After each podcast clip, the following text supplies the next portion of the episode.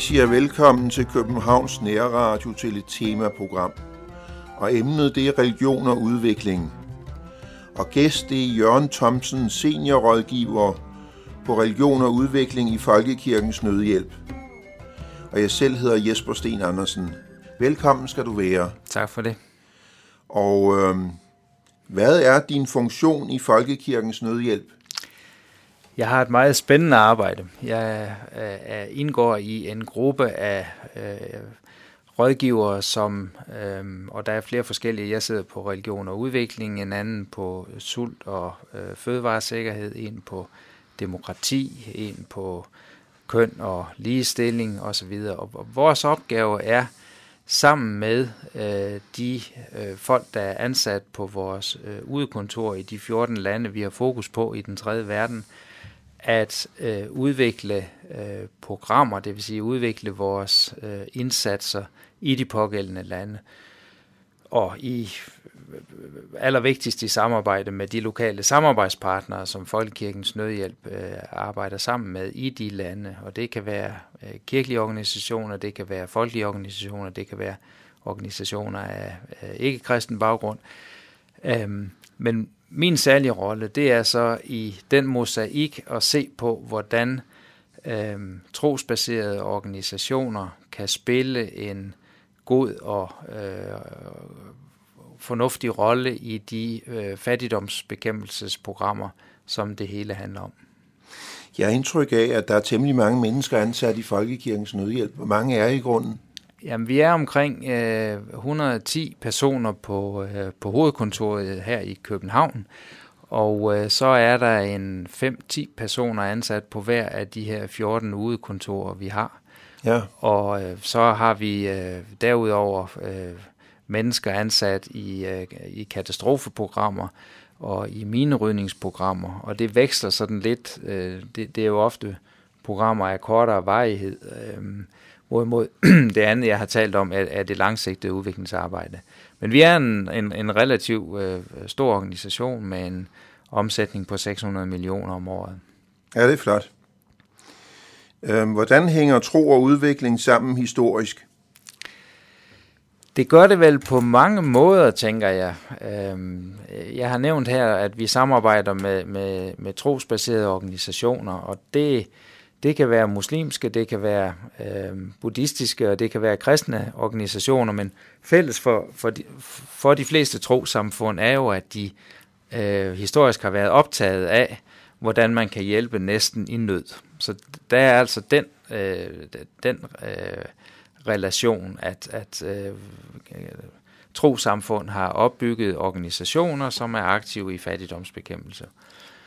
Men jeg tror, at det, der i de senere år er blevet mere opmærksomhed på i udviklingsarbejde, det er en anden dimension af, hvordan tro og udvikling hænger sammen, og som vi også har set mange historiske eksempler på. Og det er det, at tro, det folk håber på, den, den måde, de forstår det gode liv og det, det, det rette liv på.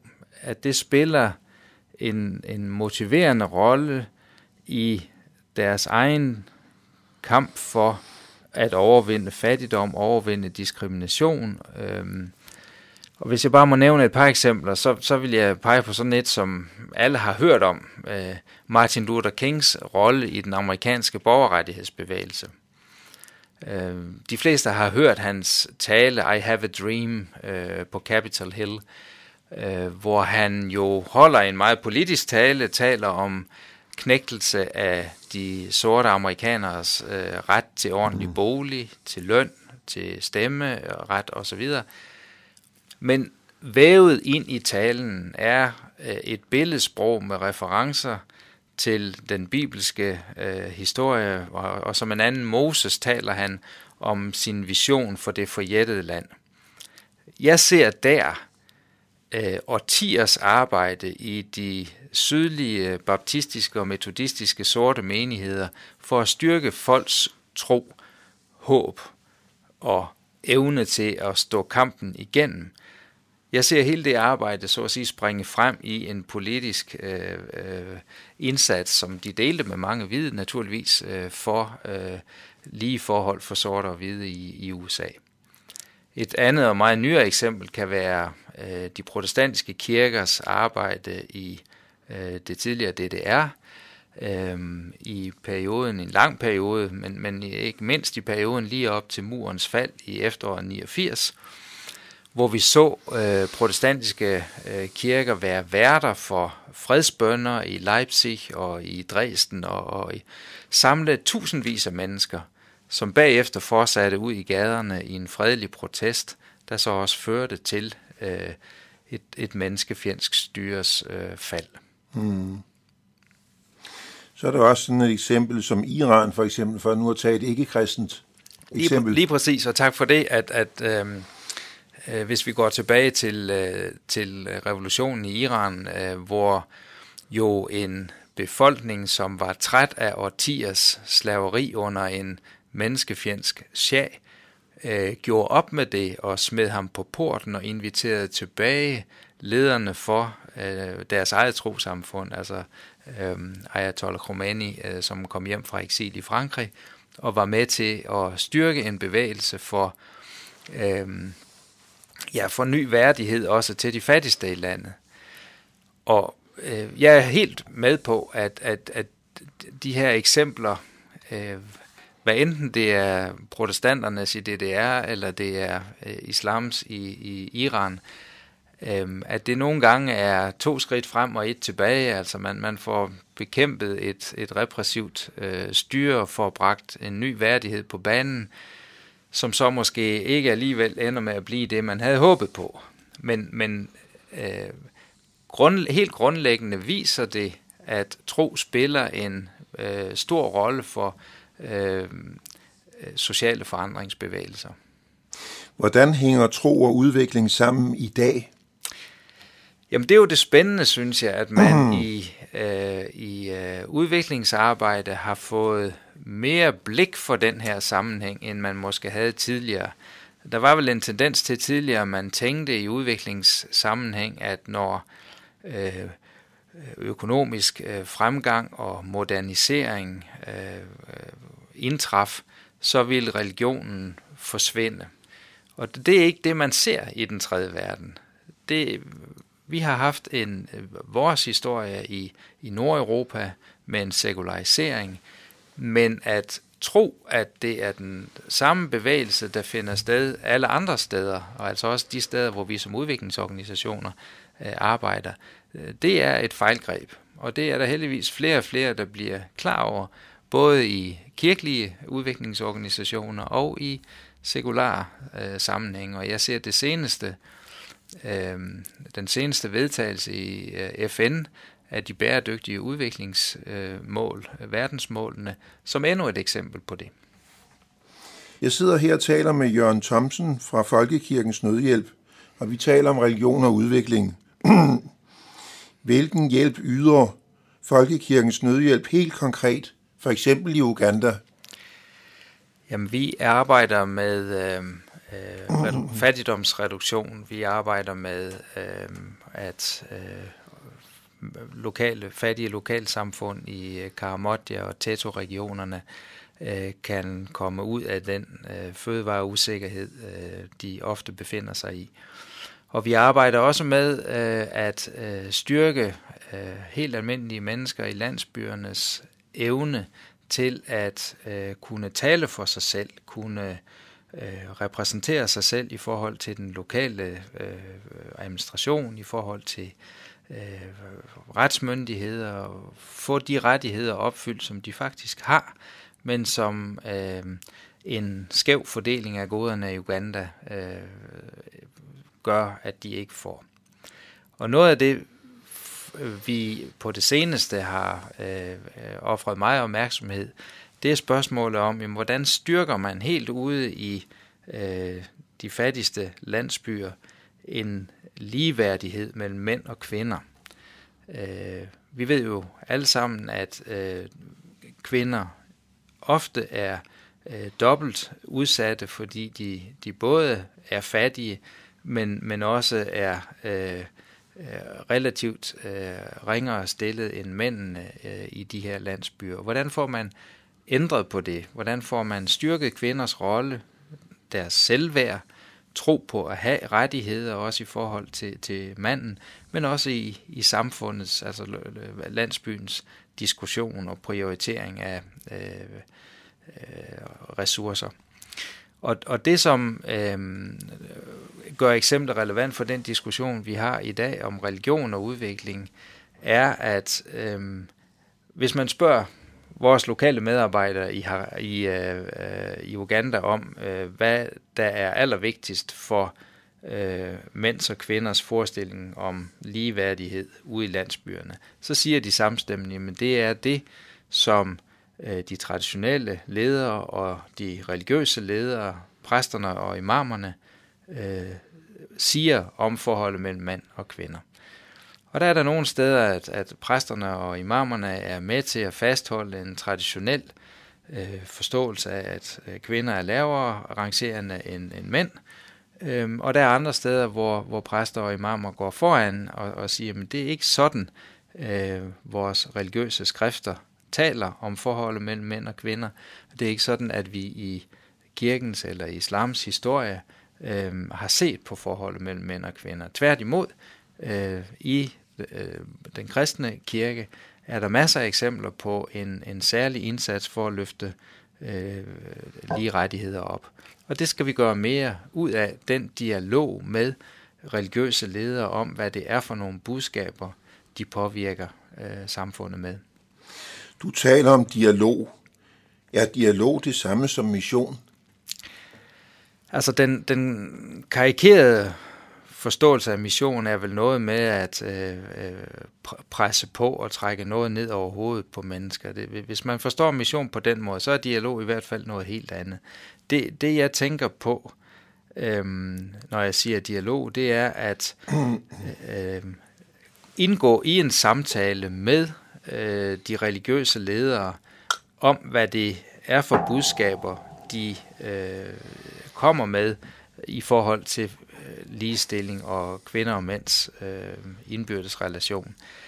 Øhm, og øh, vi vil gøre det gennem et samarbejde med de lokale samarbejdsorganisationer, vi arbejder med. For eksempel Uganda Joint Christian Council, øh, et kirkefællesskab i Uganda, som er i tæt kontakt med præsterne ude i landsbyerne, og kan være med til at formidle, hvad nogle præster måske ikke ved, at der er en lang tradition i kirkens historie og i øh, teologien, for netop at, at, at styrke og anerkende øh, kvinders rettigheder. Øh, den kan være øh, overdækket af øh, lokale traditioner og det, man plejer at tænke og gøre osv., men, men når vi øh, taler om dialog, så er det altså en støtte til sådan en samarbejdspartner, som for eksempel Uganda Joint Council of Churches, til i deres øh, normale arbejde med præsterne at fremme den positive forståelse af øh, ligeværdighed mellem mænd og kvinder. Og på den måde bliver det en, en naturlig og, og øh, øh organisk udvikling, hvor øh, Øh, kirkefolk til kirkefolk i Uganda, eller folk fra islam til imamerne, fører en dialog mellem, hvad er det, I siger, når I prædiker øh, i kirken eller i moskeen? Hvad er det, I spreder af budskaber til jeres øh, menigheder om forståelsen af forhold mellem mænd og kvinder? Og vi oplever mange gange, at, at øh, præster og imamer tager meget øh, godt imod den inspiration, og at det, det får en indvirkning på, øh, hvordan mænd og kvinder opfatter hinanden.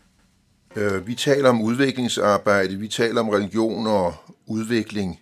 Hvilken indsigt kræver udviklingsarbejde? Skal man gå på listesko?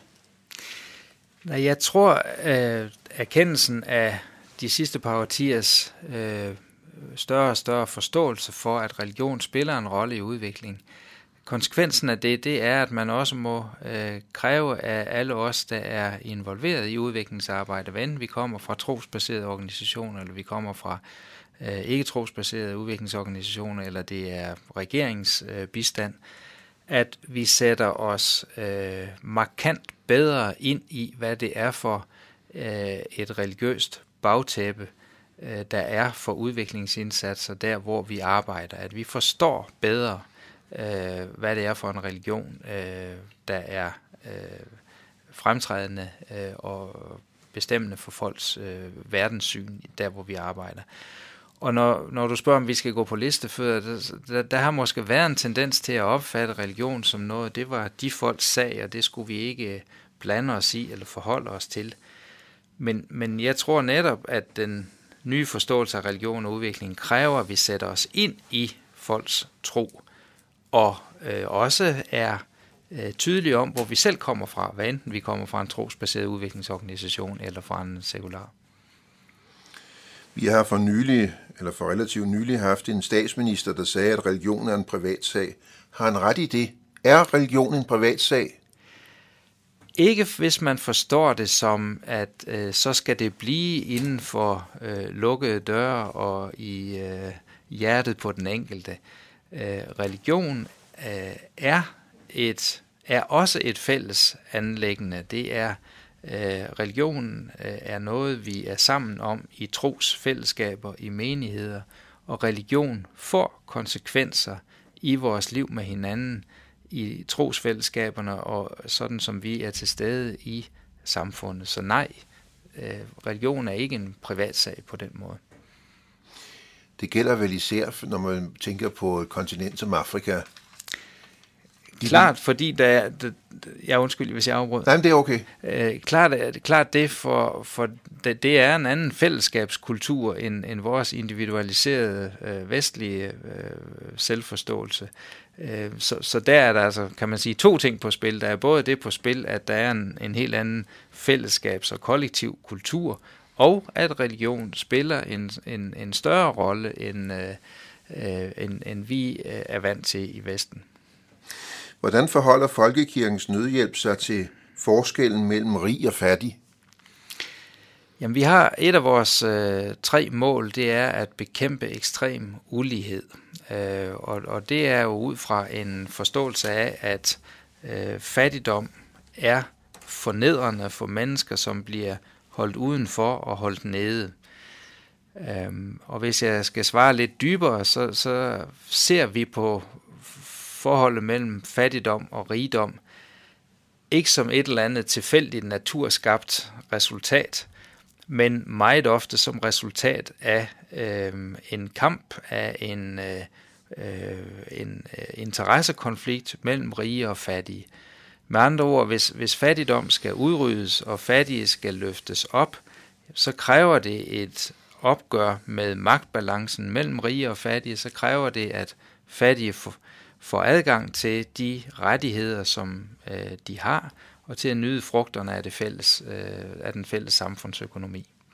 Altså det spørgsmål, det kan man vel gribe an både lokalt, og man kan gribe det an internationalt, og man kan tage det helt store vy og se på det globalt. Præcis, og, og, og, og alle steder kræver det en indsats. Altså det, øh, lokalt handler det jo om at styrke kvindernes tro ude i landsbyerne i Karamodja i, i, i Uganda, styrke kvindernes tro på, at øh, de har rettigheder, øh, at de er øh, ligeværdige med mændene, øhm, øh, og hjælpe dem med at øh, ture øh, Øh, tale for sig selv i forsamlingen og i, øh, i den politiske beslutningsproces i landsbyen.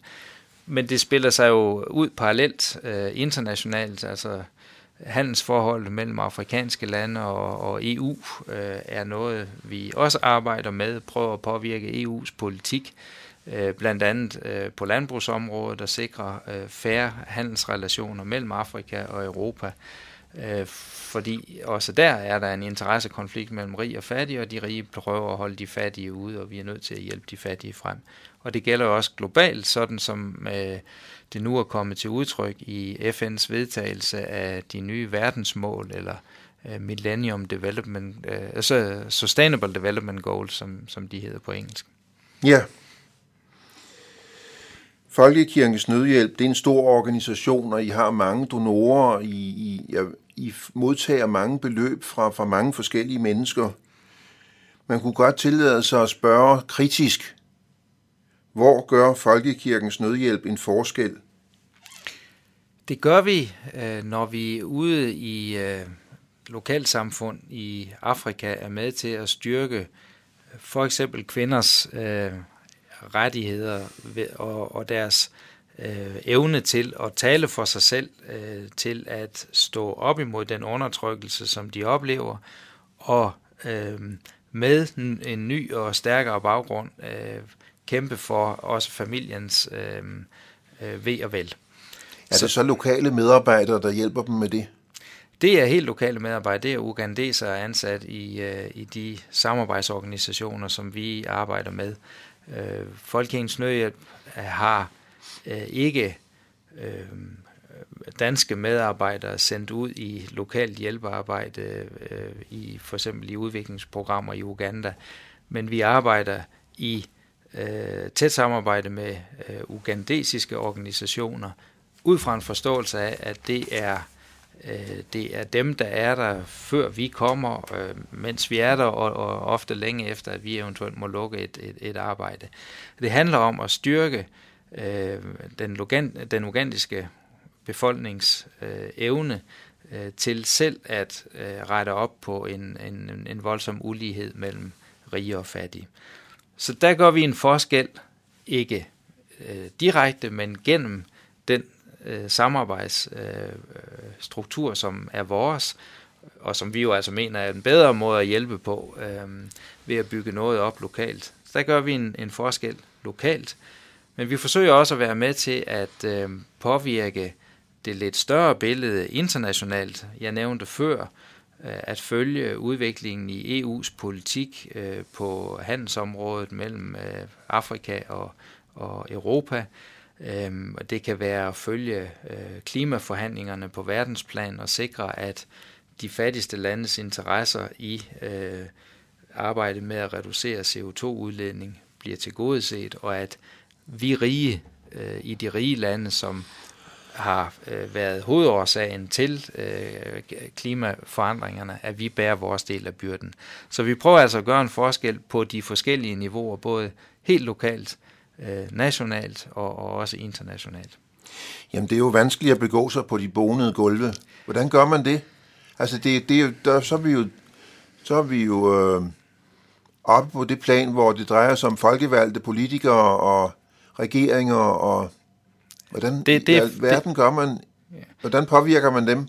Det er fuldstændig rigtigt, at, at, at det, det er en vanskelig sag, og, og det er det både i Uganda, hvis vi igen tager det land som eksempel, fordi det handler jo også om, at kirken og de folkelige organisationer i Uganda skal lægge pres på deres politikere. Ligesom det handler om, at vi øh, som øh, danskere skal lægge pres på vores politikere og være med til at få dem til at, at, at, at se nødvendigheden af, at øh, rette op på den skæve balance i verden. Men det, når du spørger, hvordan gør man det? Det gør man jo ved at, at, at følge, have folk øh, ansat, der kan følge øh, debatten, øh, være indsigtsfulde på de emner, der bliver diskuteret. Øh, også ved at øh, have det kæmpe netværk, som jo er kendetegn for øh, kirkeligt øh, udviklings- og nødhjælpsarbejde, at, at vi er ikke bare isolerede organisationer med nogle ansatte og nogle, øh, nogle bevillinger, vi administrerer. Vi repræsenterer et kæmpe bagland, øh, folkeligt og kirkeligt i Danmark. Vi repræsenterer ude i verden et enormt netværk, der når helt ud i den yderste landsby, øh, og, og ved, hvad der foregår, ved, hvad klimaændringer betyder for mænd og kvinder i en fattig ugandisk landsby. Og vi har samtidig også via kirkens struktur, både i Uganda og i Danmark, øh, adgang både på øh, national plan og på international plan til at give de erfaringer videre, den bekymring videre og forslag til nogle bedre løsninger. Hvad er det for et netværk? Hvad hedder det? Øh, jeg taler både om det, det brede netværk, som hedder kirken, men jeg taler også om den, den, den helt konkrete struktur, som Folkekirkens Nødhjælp er en, øh, en del af, som hedder ACT-alliancen, altså ACT, som står for Action by Churches Together, øh, kirker, der handler sammen. Og det er et globalt netværk af 150 øh, medlemsorganisationer, som Folkekirkens Nødhjælp, som Christian Aid i England, eller som øh, øh, kirkernes hjælpearbejde i Indien. 150 organisationer, der har sagt til hinanden, vi kan gøre hjælpearbejdet bedre, hvis vi samarbejder, end hvis vi prøver hver for sig at gøre vores ting.